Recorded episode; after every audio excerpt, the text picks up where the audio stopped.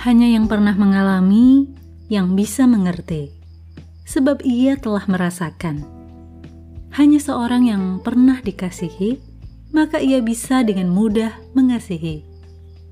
Seorang yang pernah mengalami pahitnya tidak dikasihi, namun jika ia berespon benar, ia tidak akan mau memperlakukan orang lain sama buruk dengan perlakuan yang pernah diterimanya. Ya, bergantung respon juga. Hanya seorang yang sudah diperbarui cara pandangnya yang bisa melihat segala sesuatu dengan jernih, dengan lebih baik. Untuk itu, kita perlu senantiasa berpikiran terbuka, bergaul dengan kebenaran yang tak akan bertentangan dengan hukum kasih dan norma-norma kehidupan.